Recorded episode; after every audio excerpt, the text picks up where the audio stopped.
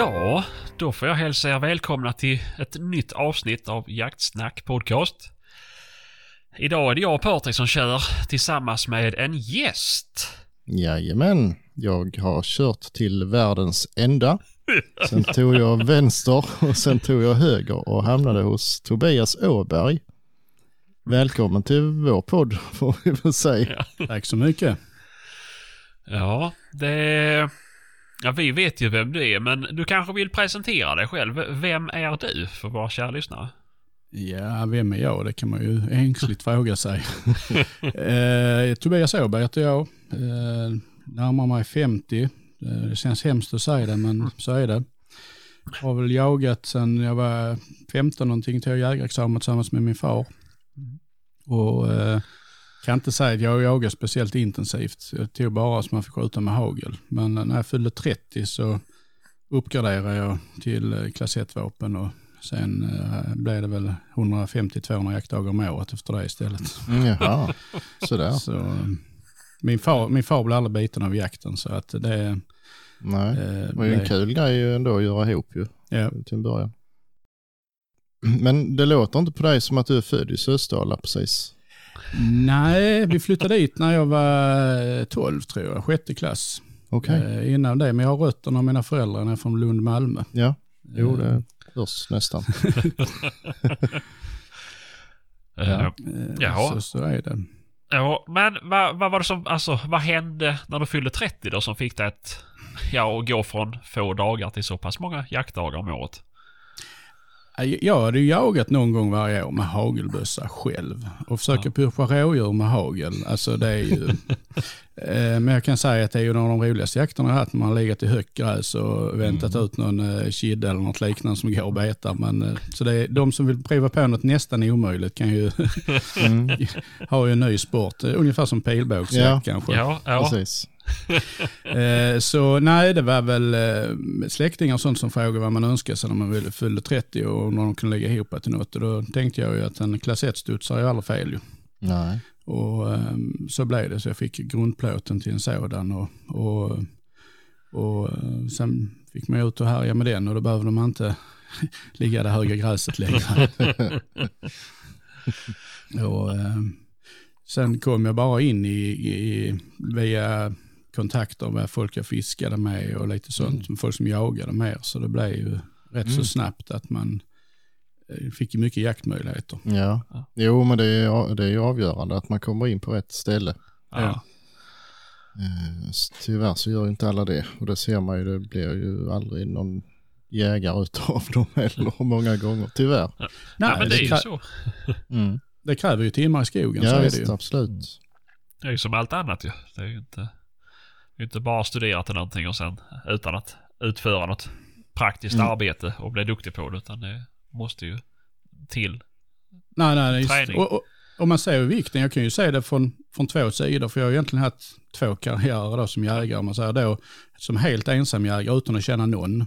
Mm. Eh, liksom gå ut själv, visst bara på, en eh, på mina föräldrars då 40-50 hektar eller vad de har och, och försöka pusha rådjur och skjuta någon hare och man, man har ingen uppfattning om det man har, annat än det man har lärt sig på jägarexamenskursen. Nej. Och eh, man liksom till att eh, sen liksom komma in med folk som jagar mycket som kan vara lite mentorer för en och, och, och liksom eh, komma i kontakt med jakthundar och jag vet inte allt. Så att jag Mm. menar, det finns ju olika sidor av myntet. Ja, verkligen.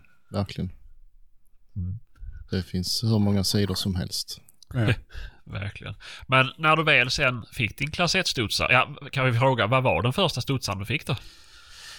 Jag valde och köpte en Browning Bar i kaliber 300 Winmag. Okej. Eh, med en Smith Bender 1,5 till 642 eh, utan belysning. Ja. Mm. Och eh, mycket trevlig uppsättning faktiskt. Fast eh, eh, rätt så snabbt kom jag underfull med att eh, 300 Winmag i en eh, bössa med 50 cm pipa var väl kanske inte det absolut bästa. Eh, framförallt inte med, med att det kom lite vildsvin på åtel och sånt liksom Mm. rätt så snabbt då när man började jaga och det blev mynningsflammor och allt möjligt. Så den bytte jag ganska snabbt efter ett år till en 9-3 istället. Mhm. Men den blir lite lugnare i ett sånt uh, maskingevär va? Ja, det, det är den ju ändå. Mm. Men man kan ju lika bra att en 308 Ja, ja, man tänker på, sig på effekten ju så. Mm. Men det är lite töntigt med 308. Eller? Nu ska du inte vara sån. nu är du kanske inte så insatt men jag har, ja, i hela mitt liv så har jag talat, inte illa, men jag har talat ner om 308. Ja, ja. Eh, och så nu så råkade jag köpa en 308. Men Eh, eh, man kan ju knappt annat än råka, för jag menar 80-90% av alla vapen som säljs idag i Sverige är 380. Mm, Jo, men det var väl lite det som var problemet. Och det jag hade att välja, med var, mell- välja mellan det var 308 och 300 Winchester Magnum. Och då kände jag att jag vill inte ha en 300 Winchester Magnum igen. Så att jag tog en 308. Eh, Eh, men, men, så är det. men, men, när du väl kom igång då, när du fått din studsare. Eh, vad, vilken del av jakten började du med? Eh, det mesta det blev ju eh, eh, drevjakt eh, på olika sätt, framförallt eh, från hundförarperspektivet. Mm. Eh, jag då, för jag ska inte gå ner allt för mycket i min historia sidan om jakten, men jag har mina rötter inom sportdykning och teknisk sportdykning. Mm. Och eh, eh, genom det så lärde jag känna en man som heter Christer Heinlein. Han finns tyvärr inte med oss längre. Men eh, han höll på med ett projekt då som hette Tillbaka till naturen. Ett EU-projekt här i Skåne som eh, skulle vara att rehabilitera långtidsarbetslösa. Och det skulle de göra genom att eh, hålla på med hundträningar, det skulle vara jaktarrangemang och sen skulle jag komma in från mitt håll med, med dykning och snorklingskurser och sånt liksom för att få ut folk i naturen. Ja. Mm. Och i detta projektet fanns även Mikael Tam med, eh, som höll i, i, i någon form av kurser och sånt. Vi, det var, blev, blev bara ett startskede, vi kom inte mycket längre än i startskedet. Men eh, genom den konstellationen så lärde jag känna mycket folk med jakten, dels Christer och dels Mikael Tam. Mm. Och i och med att jag hade haft, eh, filmat mycket när det gäller dykningen under vattnet och var intresserad av film och foto så blev det väldigt naturligt när Micke någon gång behövde kameraman och sånt. När han, då hade han gjort två DVD-filmer, Vildsvin, jakt och hundar del 1 och 2. Och, eh, så då hakade jag på han och filmade lite och genom det så blev det ju mycket jaktkontakter också. Ju, så skaffade Leica och började gå mycket med hund och sånt. Så det är där jag har mina så att säga jaktliga rötter nu i modern tid. Mm. ja, just det. Just det. Det får man väl kalla ett bananskal deluxe. Ja. ja, och ett bra sådant. Ja, Det var ju, verkligen. du halkar ju lite in bland rätt personer på en gång. Ja, ja absolut. Nej, där, där fick man lära sig mycket. Jag har haft mycket glädje av de åren och, och både, både med kontakter och, och kunskap och så vidare. Ja. Ja, men det är ju perfekt ju. Eh, ja, men, men, vad, vad ska man säga? Vad, vad tyckte du då? Alltså, jag ställer jag frågan som att du, du har varit handikappad tidigare, på säga. Men eh, hur, hur, hur tyckte du då när du kom in och hade gått från att gå runt med hagelbössan och smyga och krypa gräs till att gå som hundförare? Ja, alltså hundföreriet eh, gillar jag ju den biten. Alltså, och nu, den hunden jag skaffade, en Leica, den var också nere från Micke Tam. Han var ingen stjärna i början. Nej. Alltså, han var ju sån så han sprang runt fötterna och vissa skulle kalla det fotvärmare kanske. Någon annan hade kallat det något annat. Men eh, jag stod ut med han ett tag, men jag kunde ju glädjas åt jaktkompisar, de andra hundförarna och så vidare. Va? Men, eh, men sen eh, han var typ, jag vet inte, fyra år eller något sånt, så fick jag möjlighet att åka och skjuta en gris i ett hägn för han och det var ju det är helt eh, makalöst. Vi sköt den grisen i ett hägn på två hektar. Mm. Och sen åkte vi på en annan jakt upp i Örebro eh, nästa helg och där sköt jag själv två, tre grisar på ståndskall och passkytten och sköt några. Och sen sist, sista helgen i januari sköt jag någon gris till och sen året efter så sköt jag närmare 20 grisar för han. Så att han eh, kom ju igång och, och blev faktiskt en väldigt vettig, vad jag skulle vilja kalla såtlajka. Ja. Mm. Ja, just det. Det vill säga jaktmarker upp till 100-200 hektar max. Mm. Eh, sen åkte man upp till Norrland någon gång så, så höll man på att strypa hunden. För såklart ju. söket är inte det största och efterföljandet sträcker ju sig till 100 meter, typ 200 meter. Men här, här nere fungerar han ju skitbra. Ja. Ja, ja, men såklart, såklart. Mm. Men, eh, ja, men man måste bara fråga då. Eh, Ja. Kullsyskonen till den hunden, var, alltså, arbetar de likadant? Var de så korta och... Det, jag, det skulle jag kunna komma ihåg, men jag kommer inte ihåg nu i efterhand Nej. riktigt eh, vem det var. Nej, jag, jag tror inte generellt sett så från de, eh, så som jag kommer ihåg det, de linjerna från, från Micke då, så var egentligen, stack han ut i mängden. Eh, Kilo hette han, eh, min hund. Han eh, levde faktiskt bara till för i, vad är det, i fjol och sånt. Han blev ju 16 år och sånt. Så. Okej. Men eh, eh, nej, han blev helt enkelt sån att eh, hittade han grisar så förföljde han. Men jag kunde ju se på pejlen, eh, liksom eh, släppte han efter 200-300 meter, då fanns det fler grisar. Ja, okej. Var, var det bara en ensam gris, då följde han upp till 500-700 meter, sen släppte han den. Och det, jag kan säga under alla åren har jag hämtat den med bil en gång. Jaså? Så att, eh, och lämnar sällan så åt den. Så att eh, Mm. kunde springa förbi ett passtorn och sen passkytt och vända den där även man har gris framför sig. Det, Ja. Så att det fungerar ju bra. Här nere var det guld. Ja, visst. Ja, ja. Men eh, räcker man kom på Småland och jagar på en mark på 1000 hektar så blir man ju gråtfärdig. Mm. Jo, det är såklart. Men det är ju... ja. Ja. Men det är ju så, man ska ha hund efter, alltså man ska ju inte anpassa marken efter hunden, man ska ju skaffa hund efter vad man har för mark. Så att det är ju, Ja. det, då var det ju Men jag, optimalt. tr- men jag tror det handlar ju, det här måste handla mycket om, som nu, nu hade jag kan man säga tur och det bara blev så för vi jagar på marker. Men jag tror också man präglar ju hunden ju. Hade Ja, man ja. haft exakt samma hund och jag bara hade jagat uppe i Jämtland efter älg. Mm. Så det är mycket möjligt att han hade jagat och förmodligen jagat på ett helt annat sätt också. Jo, det kan man väl ändå tänka sig. Ja, men lite tur har du nog haft ändå, för det är ju rätt så ofta man träffar på lajkar och jämtar och gråhundar som bara har jagat i, i småsåtar hela sina liv, men de sticker lik förbannat varenda gång. Mm. Det är ju Ja. 24 marker Ja. bort. Men jag tror också mycket, jag jobbar aldrig med det här med eftersök. Eh, Jag tror det handlar också om att många, de, de kör lite eftersök och, och, och skjuter då också de, eh, när hundarna håller i mycket. Jag, Mm. där, där blir ju aldrig skjutet något djur för han, eh, liksom, han blir aldrig belönad längre än efter ett par, tre, 400 meter. Alltså. Nej, nej, såklart, såklart. Nej, Ja. nej, men då är det väl, då har vi fattat det ju. Alltså i och med att han var lite sen med att komma igång så Ja, insåg han väl att det, det är så här jag ska göra. ja. Eh, ja, Så- nej men det är ju skoj ju. Jaha, vad, vad heter det? Vad, hur fortsatte din jaktliga bana sen då? Du, du körde på i samma stuk, du gick som hundförare eller gått som hundförare? Jag följde ju, det blev mycket sånt och sen började jag intressera mig för lockjakten också. Det blev ju också i och med att eh, det, det blev ju den svängen 2006, tror jag det var, 2005-2006. Då gjorde ju P.A. Och Ulf Lindroth en film som producerades av Micke Tam som heter Lockjakt på räv. Just det. Mm. Och jag tror det är väl en av kanske världens mest sålda jaktfilmer på DVD faktiskt. Mm, det kan Ja, hända. det kan nog stämma. Och det är nog en av världens mest sedda filmer också om man tittar på hur det var för oss på gymnasiet. Det, det gick varmt.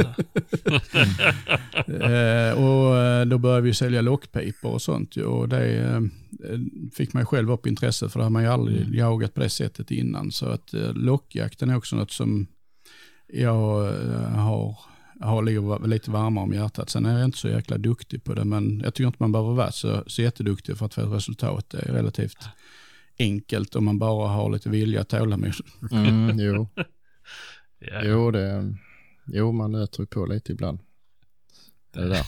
Men eh, vi pratade om det i förra avsnittet också. Jag sa det att eh, man kan fokusera lite mindre på tutandet i tutan och lite mer på att välja rätt plats och rätt dag kanske till och med. Och, Ja. ja, absolut. Jag skulle vilja säga, alltså, så långt min erfarenhet och kunskap sträcker sig så liksom när allting stämmer så behöver man inte vara duktig på locka. Utan det är ju de Nej. dagarna när det är väldigt rökt som, som sådana lockguror som Ulf Lindroth och sånt eh, får, får resultat och, och en annan står där helt blank. Men, Ja. Men eh, med de flesta tillfällena så kör man bara enligt något baskoncept Mm. så brukar jag säga att ungefär en, när det gäller rävlock till exempel, brukar jag säga slå ut på hela säsongen så ungefär en räv per tre lockpass någonting. Mm. Ja. Jo, det känns rimligt. Alltså finns det en räv i närheten som är hungrig så är han inte så kräsen faktiskt. Nej. Nej. Utan det, då är det mer att man ska sitta som man ser den innan det är för sent. Ja, exakt. Och samma med bockar, liksom. är det en bock som är brunst som hör dig. Så Mm. det, här i Sverige handlar det ju mest om nu när bockjakten börjar på måndag. Är det Mm. brunst kvar i bockarna så, så kommer de ju. Och Ja. är brunsten passerad de åter man jagar, då kan man sitta och blåsa sig blås, kvittar Ja, hur duktig precis. man är. Då får man inte Ja. fram någon bockar. Nej, Ja, nej, just det. nej. Det är ju... Det är som det är. Det är, det är ibland går det, ibland går det inte. Ja, Mm. Det är ju det. Uh, jaha, men på tal om bockjakten. Då ska, ser du fram emot måndagen?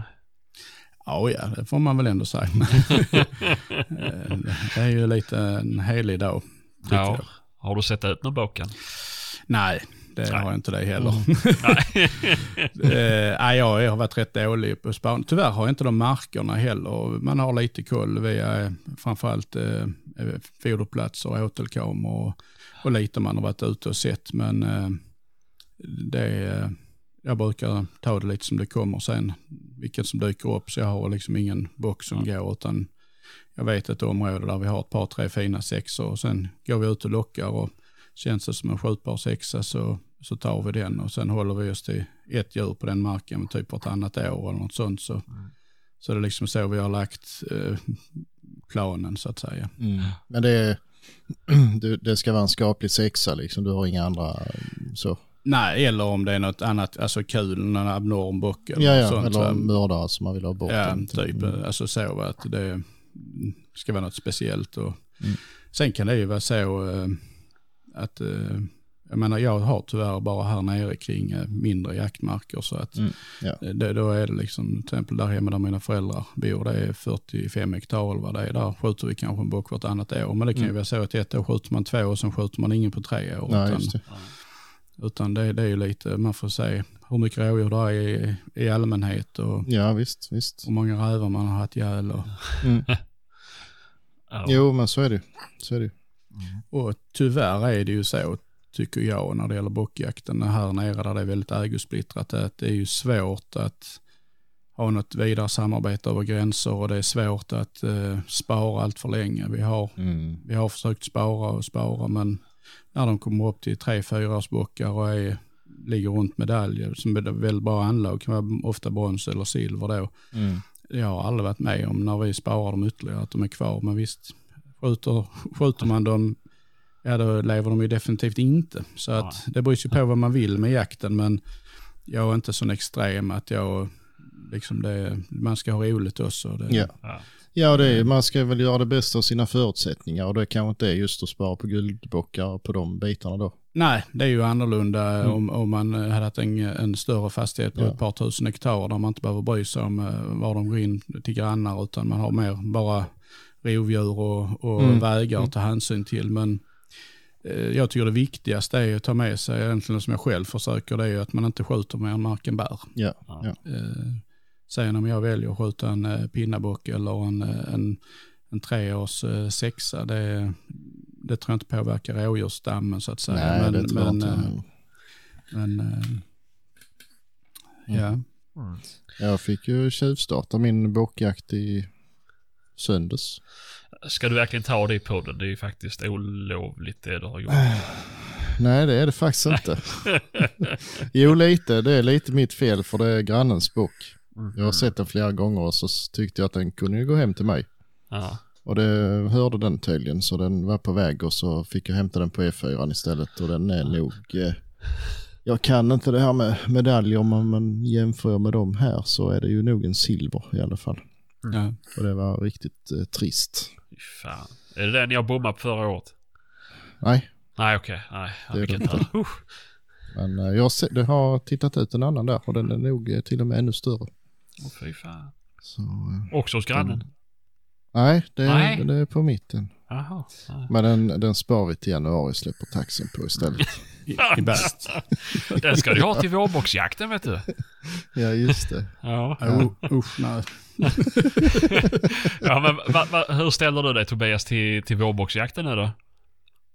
Alltså pratar vi här i Skåne, det är väl där jag kan bidra med någon, någon tankar. Det Jaha. tycker jag är helt, helt hål i huvudet. Alltså det är ju, jag fattar inte beslutsfattarna hur de tänker. Jag, jag, blir, jag blir förbannad så man nästan blir gråtfärdig. Eh, det är, Jag menar eh, på fullt allvar, hur tänker man? Tycker man att vi har så fruktansvärt mycket bockar som springer här och, och förstör så att vi måste utöka jakttiderna på dem? Det är ju Mm. så hål i huvudet så att det finns ju inte på kartan. Nej. Nej, vi hade ju någon annan gäst som eh, menar på att ja, men allt, allt annat vilt som man utökar jakttiderna på gör man ju för att man vill ha ihjäl fler. Ja. Men eh, med vår, inte med bockar. Nej, nej, det är inte, har inte med det att göra alls. Nej. nej precis, eller hur? Nej, alltså, eh, nej, jag, som jag ser det i de områdena där jag har möjlighet att jaga här så kommer det ju innebära en katastrof för box, bockarna. Och, för att, jag menar, nummer ett, när vi får jaga dem idag så är det ju som så att eh, de kan ju vara rätt så svåra under bockjakten, alltså den 16. Är brunsten förbi, då ligger de och trycker någonstans. Och sen är folk ute och nöter ett par, tre dagar, de ser inte dem och sen tröttnar man. Och sen så kommer drevjakterna och sen faller det en annan bock liksom för hundarna. Men, Ja, men eh, och så, så har det ju funkat och, Mm. och vi har ju en hyfsat stabil stam av rådjur tycker jag rent allmänt. Men jag menar, tar man då i maj till exempel, när rådjuren syns precis överallt, är ute Mm. och, och söker mat och de går och plockar korn på foderplatser för vildsvin, på majsspridare och så vidare. Jag menar, eh, det är ju så jag har koll på vilka rådjur vi har på marken. Mm. Jag menar det är ju ingen konst att sitta och banga ner dem på Nej, en foderplats. Och tar man då alla de som har, tyvärr, och där säger folk får bli stötta om de inte tycker om vad jag säger, men som liksom har 5-8 hektar eller 2 Mm. hektar med en foderplats eh, i skogen. Va? Eh, Där, där finns det ju ingen hejd på eh, vad liksom man kan skjuta. För vi har ju bara regeln skjut för marken bär, men det är Mm. ingen som definierar vad en mark bär. Nej. Det, det finns många som har små marker som sköter sig, men tyvärr inte alla. Nej, absolut. absolut. Definitivt. Men, men, men alltså det, det, är, ju- det är ju svårt att bedriva en jakt på klövvilt som jag ser det på en väldigt liten mark. Ja. Så behöver vi inte definiera antalet hektar, men, eh, men det, det är liksom... eh, Man kan ju absolut ha två hektar och skjuta ett rådjur vart 50 år. Va? Men, Ja, Yeah. men eh, ja och sen liksom känner man sina grannar och de säger ja men det, skjut du en bock det skiter vi i, vi jagar inte bocken då, ja men då är det ju helt okej. Då har man ju, absolut, men då har man ju också stämt av så att precis, säga. eh, då har man ju egentligen mer mark kan man säga. Exakt, exakt. Men det är ju... Det händer ju såklart att folk håller på så, men det, är ju, det hör ju till undantagsfallen. Tyvärr. Eh, Ja. Men det... Nej, men det är väl lite där, alltså... Det skulle ju... Det, det, I större delen av landet kommer det kunna bedrivas vårboxjakt men det är ju just i, i de södra länen där det är mycket, mycket småmarker. Folk betalar höga arrenden och de vill ha valuta för pengarna. Då kommer de ju jaga. Ja. ja Mm. det är ju det. Och som du säger själv att bocken är ju, är ju lättåtkomlig just under våren. När du säger som den är ute och äter upp sig, den är ute och tittar sina revir. Ja. Den är Ja, ute och letar liksom. Det är... Det är ju tveklöst så. Så att, eh, det ska vara intressant eh, att höra vad de som har beslutat hur man har kommit fram till detta. Så det är ju för mig en eh, komplett gåta. Mm. Ja men det var väl, alltså majoriteten överlag tyckte väl det. Det var väl så de förklarade i alla fall. Jo men ja, men det, det, det fungerar inte alltid att göra. Ja men det är ju så de har gjort det, men de måste ju inse själva att det fungerar liksom inte och om jag säger till grabben min att eh, men fan vill du inte ha godis till kvällsmat? Det är väl klart han kommer vilja ha godis till kvällsmat men det är kanske inte så bra att ge han godis till kvällsmat för det ger ju dåligt resultat i slutändan. Ja, och som jag ser det, där tycker, jag, jag tycker definitivt vi jägare ska vara organiserade jägarför, eh, med jägarförbund till exempel och så Nej. vidare. Men eh, jag hade ju en del diskussioner till exempel med Torbjörn Larsson eh, vid något tillfälle och så vidare. Vi pratade om det att Jägarförbundet vill ju verka för att vi ska ha så mycket jakttider som möjligt. Mm. För att vi själv jägare ska kunna förvalta vårt vilt och bestämma vad vi ska skjuta. Vi ska liksom inte verka för att få begränsningar. Eh, och där tycker jag annorlunda för att jag ser, för jag menar, om vi kan förvalta viltet själva som jägarkår, varför ska vi ha jakttider överhuvudtaget då? Nej. Nej, nej förvisso. Nej, det är ju, ja nu är det jag som säger detta men det är, ett, det är alldeles för mycket daltande. Alltså, ja men gör du som du tycker att du vill så länge du betalar din medlemsavgift så är vi Ja. nöjda ändå. Ungefär. Precis. Ja. Eh, Så att, eh, ja. Men eh, nej, för jag, jag tycker ju personligen att vi, borde egentligen inte ha klövviltsjakt på mindre marker än viss areal. Och har man en Nej. mindre mark, då får man gå tillsammans med jaktgrannarna Ja. helt enkelt. Ja. Och det skulle nog vara det bästa för jakt-Sverige egentligen. Tveklöst. För Men viltet. nu är ju, nu har vi ju det här, eller det är inget problem, men det är det här, det är ju just äganderätten i Sverige. Att det kommer aldrig kunna tvinga någon till att slå ihop sin mark. Eh, men det hade ju gjort, bara gjort gott för Sverige. Ja. Mm. Men jag menar, vi gör det ju på älgarna redan. Men menar, man får ju inte jaga älg på 15 hektar. Eh, Där Nej. måste du gå ihop med dina grannar kan man säga för att kunna vara med och jaga älg. Och varför inte göra likadant på rådjur, vildsvin, dovhjort, Ja. kronhjort? Ja, ja. Ja, rådjur var det ju faktiskt januarijakten på. Rådjur var ju, då skulle man ha licensområde ju förr. Och det var rätt stort. Jag för mig det var ett par tusen hektar man skulle ha då. Okej. Alltså i, snackar vi 80-talet kanske. Ja, det är mer än vad jag känner till. Men... Ja, Men sen blev det ju allmän januarijakt efter det ju. Ja, Och det, kan man ju fråga sig. Den förstod jag, den kom ju efter rådjursbommen. Mm. För att vi behövde skjuta mer rådjur. Mm, mm. Varför har man inte tagit bort januarijakten? Nu ställer man utökat med kidjakt i Ja. september och bockjakt på våren. Och, ja, det är helt galet. Ja, Ja, det, det är konstiga grejer egentligen, men det, det är ju det. Är det här bara försäljningsgrejer från förbund eller är det... Ja, nej, Patrik, vi får ta tag i detta. Vi får ta med någon som kan det här som kan berätta varför vi har det så här i Sverige. mm. Varför hatar de våra djur? det, ja, det Ja. kan jag berätta. Men Ja. De äter allt på min mark. Äter allt. ja. Det är säkert lantbrukarna som ligger bakom detta. Mm. Eh, ja, nej, men om vi återgår nu eh, Mm. till vårt ursprungliga ämne, Tobias. Eh, vad är Red Moose Hunting? Red Moose Hunting, det är mitt företag som jag eh, kör så att säga jakten genom. Och med jakten då är det framförallt mediajakt, alltså jaktfilmer. Eh, jag har tidigare sysslat med distribution av lockpipor, eh, vilket jag inte gör längre just nu i alla fall. Ja. Och eh, ja, det är ju jaktfilmsproduktionen kan man säga. Ja, ja. Mm. Och det startade jag eh, 09 tror jag startade det namnet eller den konceptet. Då hade jag inte ens internet. Nej, alltså det, det, det, det konstiga är ju egentligen att jag hittar ju dig på, på YouTube för kanske pff, fyra år sedan, fem år sedan. Ja. Eh, Men du har ändå hållit på. Men hur länge har du hållit på på YouTube? Jag, jag tror att YouTube-kanalen i sig själv startade jag nog 09-10, men det var inte mina egna producerade grejer. Nej, okej. Eh, Väldigt, väldigt kort så kan man ju säga att jag, Red Moose startade jag när jag började distribuera Nordic eh, Predators lockpipor i Danmark. Där Jaha. hade jag hand om distributionen under 5-6 år. Ja. Och då behövde jag ha ett firmanamn att jobba under. Mm.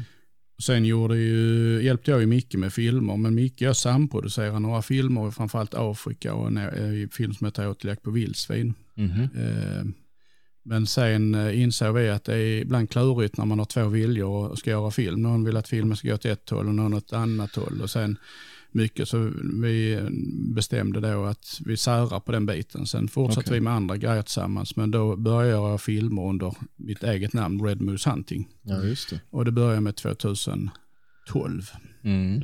Och, och då blev det att man la upp någon, eh, någon trailer och någonting på YouTube. Men då var det ju DVD framför allt. Mhm. Okej. Eh, Men innan det så är det faktiskt så att vi skulle, då fattar man inte mycket med YouTube. Men 09, då, då, då behövde vi ha upp Micke Tams trailer på YouTube.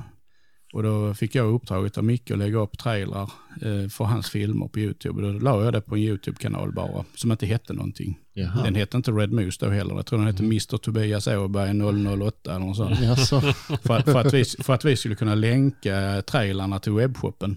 Jaha. Jaha, okej. Sen låg de där och tickade, så att det var väl egentligen eh, då man säger 2015 som jag själv började lägga upp lite trailar och lite grejer från mässor 2014, 15 någonting. Och, Ja, just det. eh, eh, och sen 2016 så började jag göra mer inriktat på- till YouTube-filmer, Mm. alltså jaktfilmer.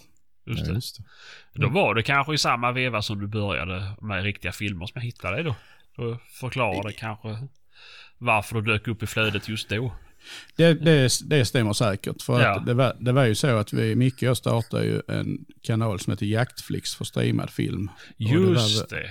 Ja. Och det var väl 2014. För att DVD-försäljningen, luften gick ur den mer eller mindre. Vi trodde ju att DVD-erna skulle blöda ut under en längre tid. Men här i Sverige så gick luften ur dem pang bom. Eh, Jag kommer inte ihåg vilket år, om det var 14 eller 15. Det var från att gå till att sälja normala volymer till ingenting på ett, två år. Okej. Och då bestämde vi att vi skulle börja streama istället. Men eh, det var svårt att få igång en streamingkanal och, och få ut material med så pass jämna mellanrum som tittarna vill.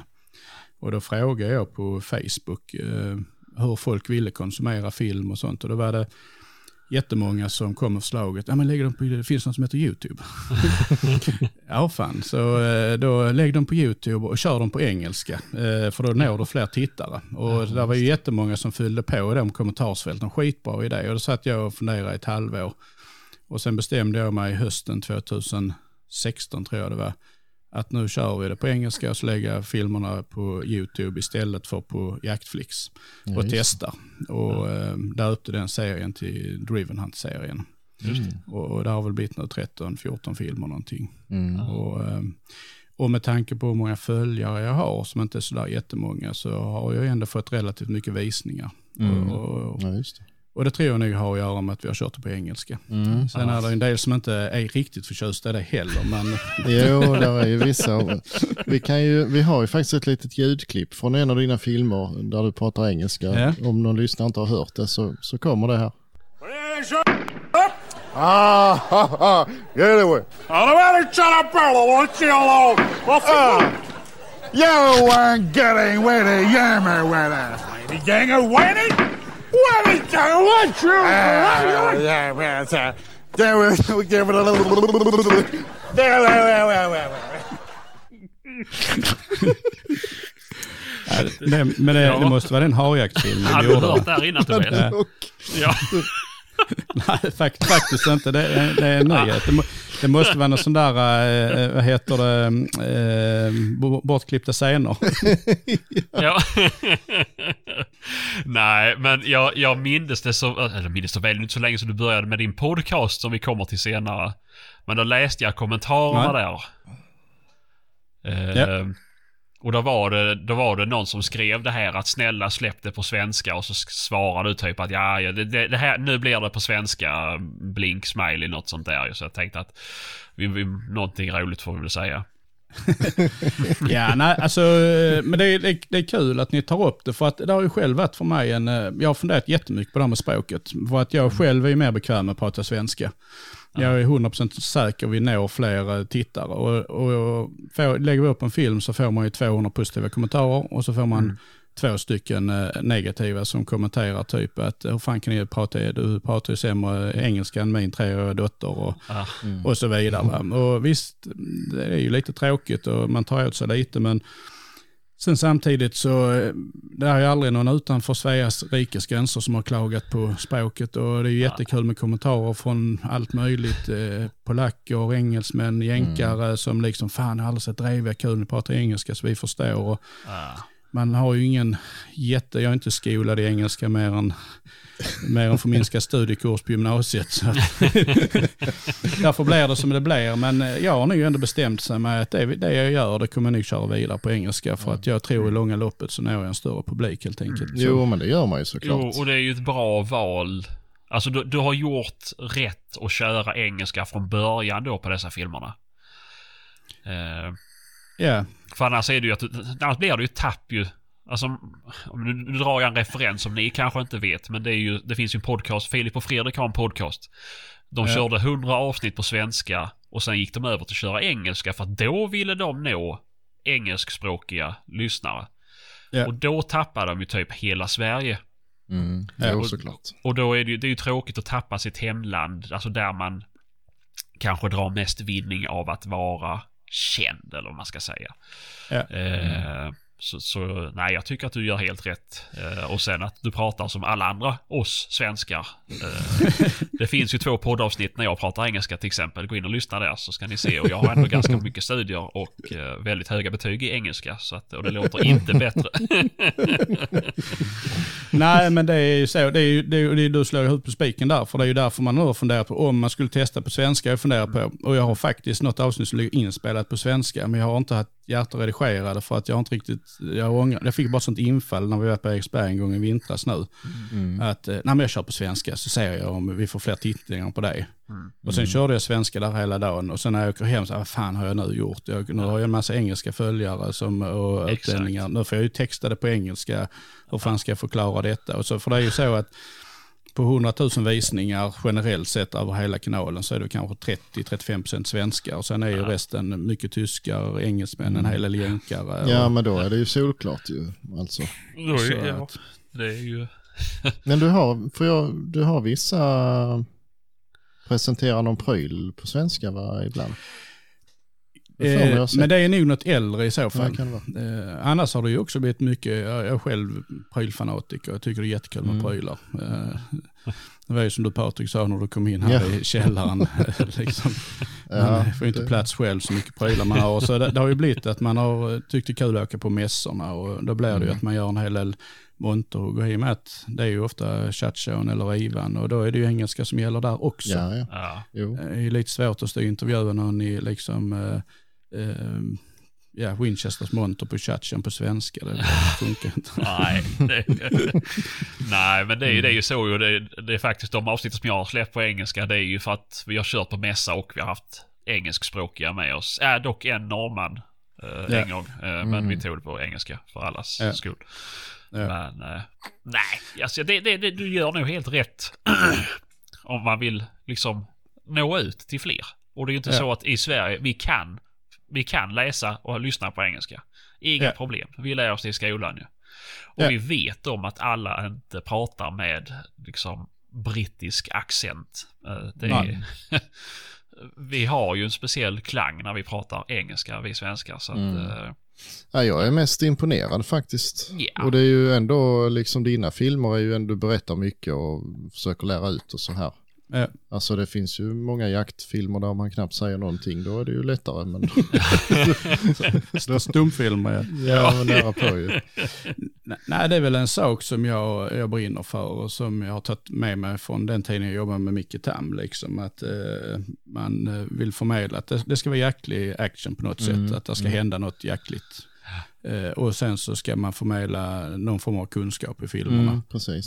Och sen så ska det vara med hög jaktetik. Men det är ju jaktetik, det är ju också väldigt individuellt vad man tycker är jaktetik. Men det är i alla fall, jag vill förmedla jakten på det sättet som jag tycker känns bekvämt och, och så vidare.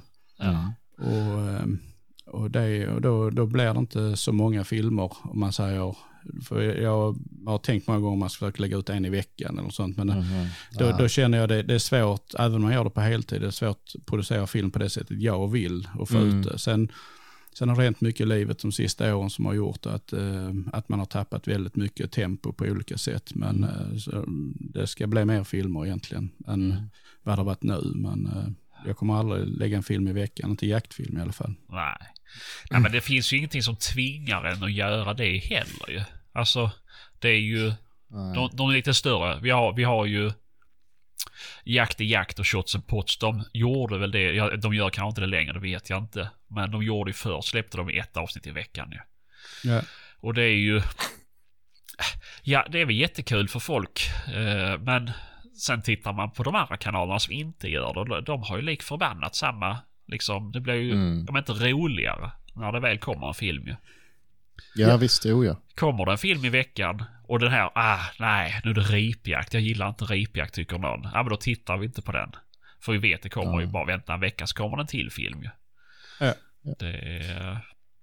Nej, det är, jag tror det är bättre att man släpper liksom i det tempo man själv orkar så man orkar hålla på en längre tid. Ja. Och sen så tror jag också att eh, det, vi är ju inte konkurrenter heller som gör varken podcaster eller eh, YouTube-filmer och sånt utan jag ser det ju som att vi har olika publiker. Jag Ja. menar, Mm. Tar man tv-kanaler idag när man var liten växte man upp med eh, SVT 1 och 2. Ja, ja. Och sen kom fyran. och de sände från klockan sex på eftermiddagen eller halv fem Ja, barnprogrammen det. till klockan elva. Ja. Men jag menar idag har man ju lika många kanaler, eller man har ju inte lika många kanaler, man har ju 250 kanaler i sitt kanalpaket plus massa YouTube och annat. Och Ja, med lik förbaskat så tittar man ungefär lika många timmar liksom. Så att ja. Mm. jag tror de olika, man hittar sin nisch, vad man vill titta Ja, på. visst. Och ja, de som, som eh, släpper jätteofta, det blir ju tunnare material, men de har ju varit populära ändå, så det, kan, det, ja, ja. det är väl Det- ingenting att säga om det då. Nej, nej, nej. Jag vänt, väntar ju hellre eh, några veckor till, faktiskt. men, eh, Jo, men så är det ju. Man, man ser ju fram emot vissa grejer. Så att, Mm. eh, nej, man ska köra det tempo man känner att man klarar av själv ju. Ja. Eh, nej, men nu kan vi fortsätta vidare här. Vad... Alltså lever du på det här? Alltså jobbar du med det här på heltid? Med, med jaktmedia kan man väl säga att jag jobbar med heltid. Men Ja. eh, det är väl synd att säga att man lever på YouTube-kanalen. Då hade det blivit mycket nudlar. eh, nej, så att jag, eh, jag producerar ju lite olika material till eh, andra på, på olika sätt. Jag sköter om ett par Instagram-sidor, till exempel Interjakts Instagram-sida har jag hand om. Eh, jag har mycket samarbete med Venatio, alltså de som har Tridicon i Sverige. Ja, Täcker just det. sikte, sköter, hjälper dem med sociala medier och gör reklamfilmer och lite sånt. Ja, Och ehm, ja, filmar allmänt så att säga, filmklipp till, Mm. eh, till olika aktörer på olika sätt. ja, just det. Eh, gjort mycket i samband med mässorna och sånt, så att det har ju varit lite tunt nu i, Mm, i, jo, i dessa speciella tiderna. Ja, men många har väl ställt om till lite mer eh, digitala mässor istället va? Då eh, borde det bli mer, lika mycket jobb. Ja, det är väl egentligen eh, online-mässan. Det gr- grundar ju sig från, eh, från eh, Interjakt kan man ju säga. De har ju Mm. den här jakt och fiske som gick förra våren då när det var covid. Och de Mm. kör ju nu igen fredag, lördag, söndag. Mm. Har de ju den som heter i jakt, eh, jakt och fiskeonline.com Mm. tror jag. Eller något sånt. Och där har ju blivit att man har gjort lite material till Mm. dem, absolut. Kan jag tänka. Så att, eh, ja. Nej, så att eh, man är väl lite överlevnadsexpert och mångsysslare när det gäller det. Mm. Ja. Ja, men det är ändå... Det är ju ändå kul att kunna leva på sin hobby ändå någonstans va? Ja, absolut. Det blir ju en livsstil. ja, det får man väl lugnt säga. Man eh, har inte riktigt koll på om det är fredag kväll klockan 10 eller eh, tisdag förmiddag, utan det, man, det blir en livsstil så att säga. Ja, Mm. ja. ja, men det är väl lite så ju. Men, vad är det? Men, ja för du har ju, jag såg väl, var det nu i veckan, du hade någonting på din egen Instagram med Trigicon ni hade monterat på uh, något litet. Ja, just, ja, just precis. Ja. Eh, Jag har ju ett åtelprojekt som jag kallar det själv internt nu. Jag ska eh, göra, ska, tänkte jag skulle göra en serie filmer om åteljakt och utfodring av vildsvin och knyta ihop det med eh, jakt i grödorna, skyddsjakten. Mhm. Jag, tycker det, jag tycker det går hand i hand. Åteljakt på vildsvin har ju en väldigt negativ klang i de flesta sammanhang. Mm. Eh, Och du lugnar ner dig Patrik. Låt han prata eh. Ja, ja, Och jag, jag själv eh, kommer knappt ihåg när jag sköt en gris på åtel sist. Men det är ju trots allt så att utfodringen styr ju vildsvinen väldigt mycket. Och man kan hålla vildsvinen på rätt ställe till drevjakterna. Och man kan hålla dem från grödorna eh, om man gör det på rätt sätt. Men då kan man ju inte heller jaga dem där. Eh, men eh, fel utfört så kan man ju också, är ju åteljakt helt åt helsike. Och där kommer vi tillbaka där vi pratade om bockarna innan. Mhm. Så länge man skjuter, inte skjuter mer än vad marken bär så eh, är det ju inget problem med åtlar. Nej, nej. Men, Nej, eh, såklart. men, eh, men skjuter man mer än vad marken bär så är ju åteljakt rent åt helvete. Ja, jag har ju svårt att se det som ett, en problemlösande åtgärd. Alltså just åteljakt. Jag, jag får inte ihop det liksom. Antingen får du locka ut dem dit du inte vill ha dem eller så får du skjuta på dem där du vill att de ska vara. Du tänker på om du skjuter dem på åtelen? Precis. Ja, men som jag, som jag ser det personligen, så nu fyller ju man säger en åtel eller en foderplats väldigt olika funktion Mm. beroende på vilken mark det är. Men, men om man utfodrar i skogen Mm. när grödorna står och man inte jagar i skogen. Nej. Så förhoppningsvis så drar man ju grisarna dit, men då, då skjuter man ju ingenting där heller. Nej, givetvis inte. Eh, sen kan man ju eh, liksom skjuta någon matgris eller något sånt Mm. under den säsongen som eh, eh, de inte gör skada i grödorna på åtelen ju. Det Mm. ser inte jag något problem så länge man inte skjuter mer än marken bär. Om man nu tycker det är kul. Jag själv tycker det är rätt så avslappnande att sitta och titta på en åtel på grisarna och koll på vad man har för individer. Om man ser lite hur grisarna så att säga i, gru, grupperna agerar sinsemellan och så vidare. Va? Men det sträcker ju sig till en eller två gånger om året. Mm. Eh, och det kan vara kul att ta med någon yngre jägare eller någon som inte jagar. Tagit med någon kusin till mina barn och suttit med och tittat. Och de tycker det är intressant att se djuren. För det händer ju mycket annat också på en foderplats. Det kommer någon Ja, bock ja, och där hopp, kommer en iller hoppandes. Eller, och så, va? så det är ett bra ställe att observera djuren på. Mm. Jo, alltså, jo, absolut. Nej, jag har väl ingenting emot åteljakt eh, så länge den sköts ordentligt ju. Det är ju det som, men det gör inte det på så hemskt många ställen i det här landet Nej. tyvärr. Och vi är tillbaka där vi pratade om bockarna Mm. innan. Va? Och det, det är ju det här med att skjuta vad marken Ja, bär. Va? Jag ja. menar, jag har, jag har ju många skräckexempel som man stött på genom åren. Jo, med, ja. med folk som har alldeles för liten mark för att bedriva jakt på klövvilt som Mm. smackar både en eller två åtlar och, Jo, ja. Och skjuter eh, alldeles, alldeles för mycket. Mm. Och det borde ju verkligen styras upp i, i lagboken kan jag ju tycka. Mm. Jo, det tycker jag med. Kan man lugnt säga. Men Mm. det är ju som du säger att om man bedriver det på rätt sätt så absolut fungerande. Det är ju som vilken Mm. vakjakt som helst egentligen. Ja. Ja, ja. Är det ju. Bara att de är nattaktiva och att du kan få in dem med mat lite lättare än vad du kan locka in någon annan klövviltsart under, ja icke vintermånader då. Jo, alltså man kan ju ha en, eh, en mark som det absolut är rimligt att skjuta ett, ett antal vildsvin på, men du är inte intresserad, har inga hundar och du har inga bra planteringar till exempel, ja men då är ju åteljakt ett jättebra alternativ ju. Ja. Ehm, såklart, Men det är ju det, man ska användas på rätt ställe och på Mm. rätt sätt. Såklart. Sen, sen tycker jag det är rätt så intressant också, det har väl inte med återjakten att göra, men om vi pratar om det här med, med regler och, och etik och vad folk tycker, att det är ofta många har väldigt starka åsikter att det är så väldigt svart eller vitt. Mm. Åteljakt är dåligt, åteljakt är bra, det är si, det är så. För mig har, jag tycker många sällan att saker och ting är väldigt svarta eller vita. För det är, för det är som jag sett själv här precis nu sa till exempel att när det är grödor, då skjuter man inte dem på åtelen utan då kan man skjuta dem i grödorna och så låter man åtlarna vila. Mm. Men det kan ju mycket väl finnas en åtel, jag har ett ställe exempel där vi har, där är inga grödor i närheten någonstans. Det påverkar ingenting om man skulle skjuta en gris eh, mitt på sommaren på, på den åtelen. Eller om det kommer en ensam gris ändå, Mm. Ja, nej, det eh, så stör man inte den flocken. Nej.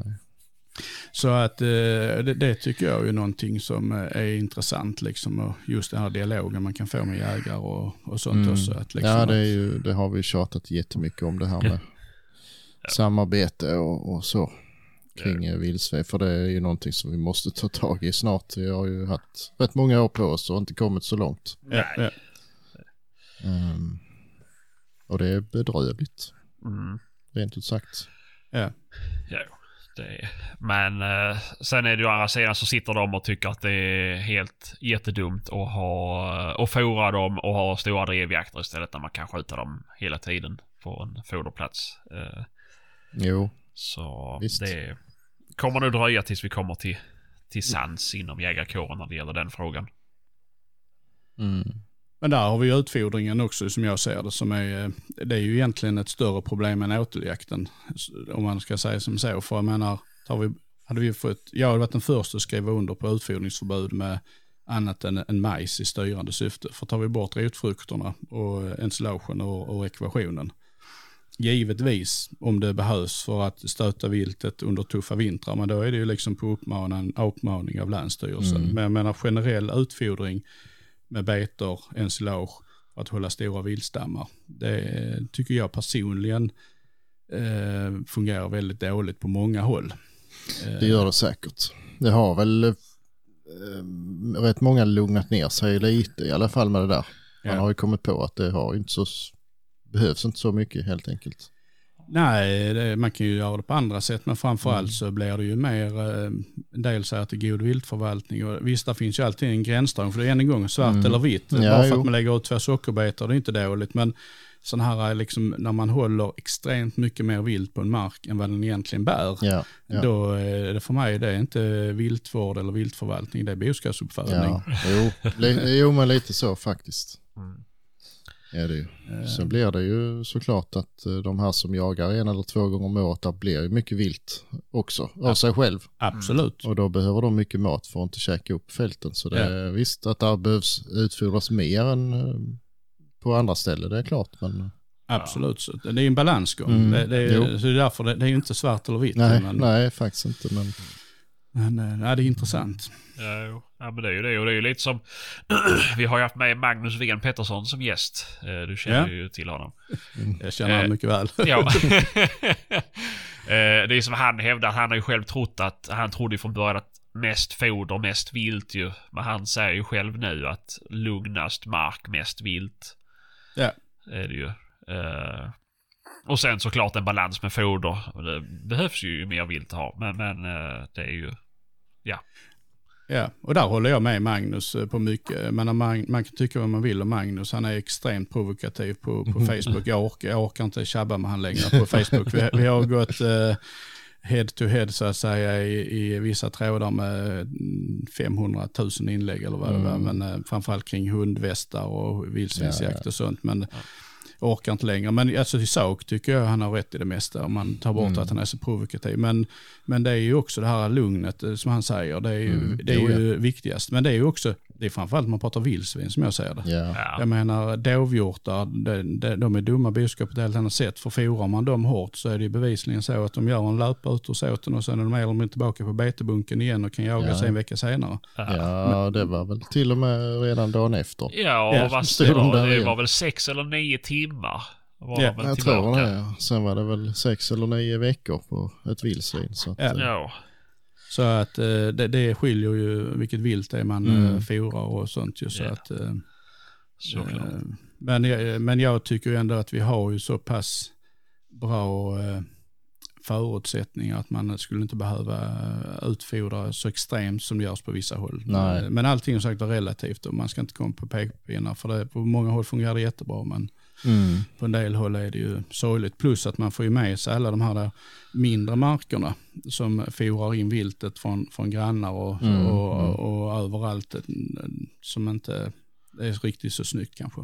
nej, nej, det är och, som sagt rotfrukter och sådär. Vildsvinen kanske inte är så känsliga men mycket annat vilt är ju, mår ju definitivt inte bra av att sätta i sig för mycket sånt. Så att, Nej. eh, det har ju hittats älgar med som har varit alldeles uppjästa och haft makadam i magen och allt som har följt med från Ja. den planen. Okej. Så att eh, det är ju inte bra. Nej. Nej, lite så. Som ni säkert hör så är ju Tobias en mycket, mycket trevlig prick. Eh, han är också en väldigt pratsam prick så att eh, den här intervjun blev så lång att vi bestämde oss för att klippa av den på mitten helt enkelt. Så detta var första delen och eh, ni får vänta en vecka på del två. Eh, hoppas ni är nöjda än så länge. Toodiloo!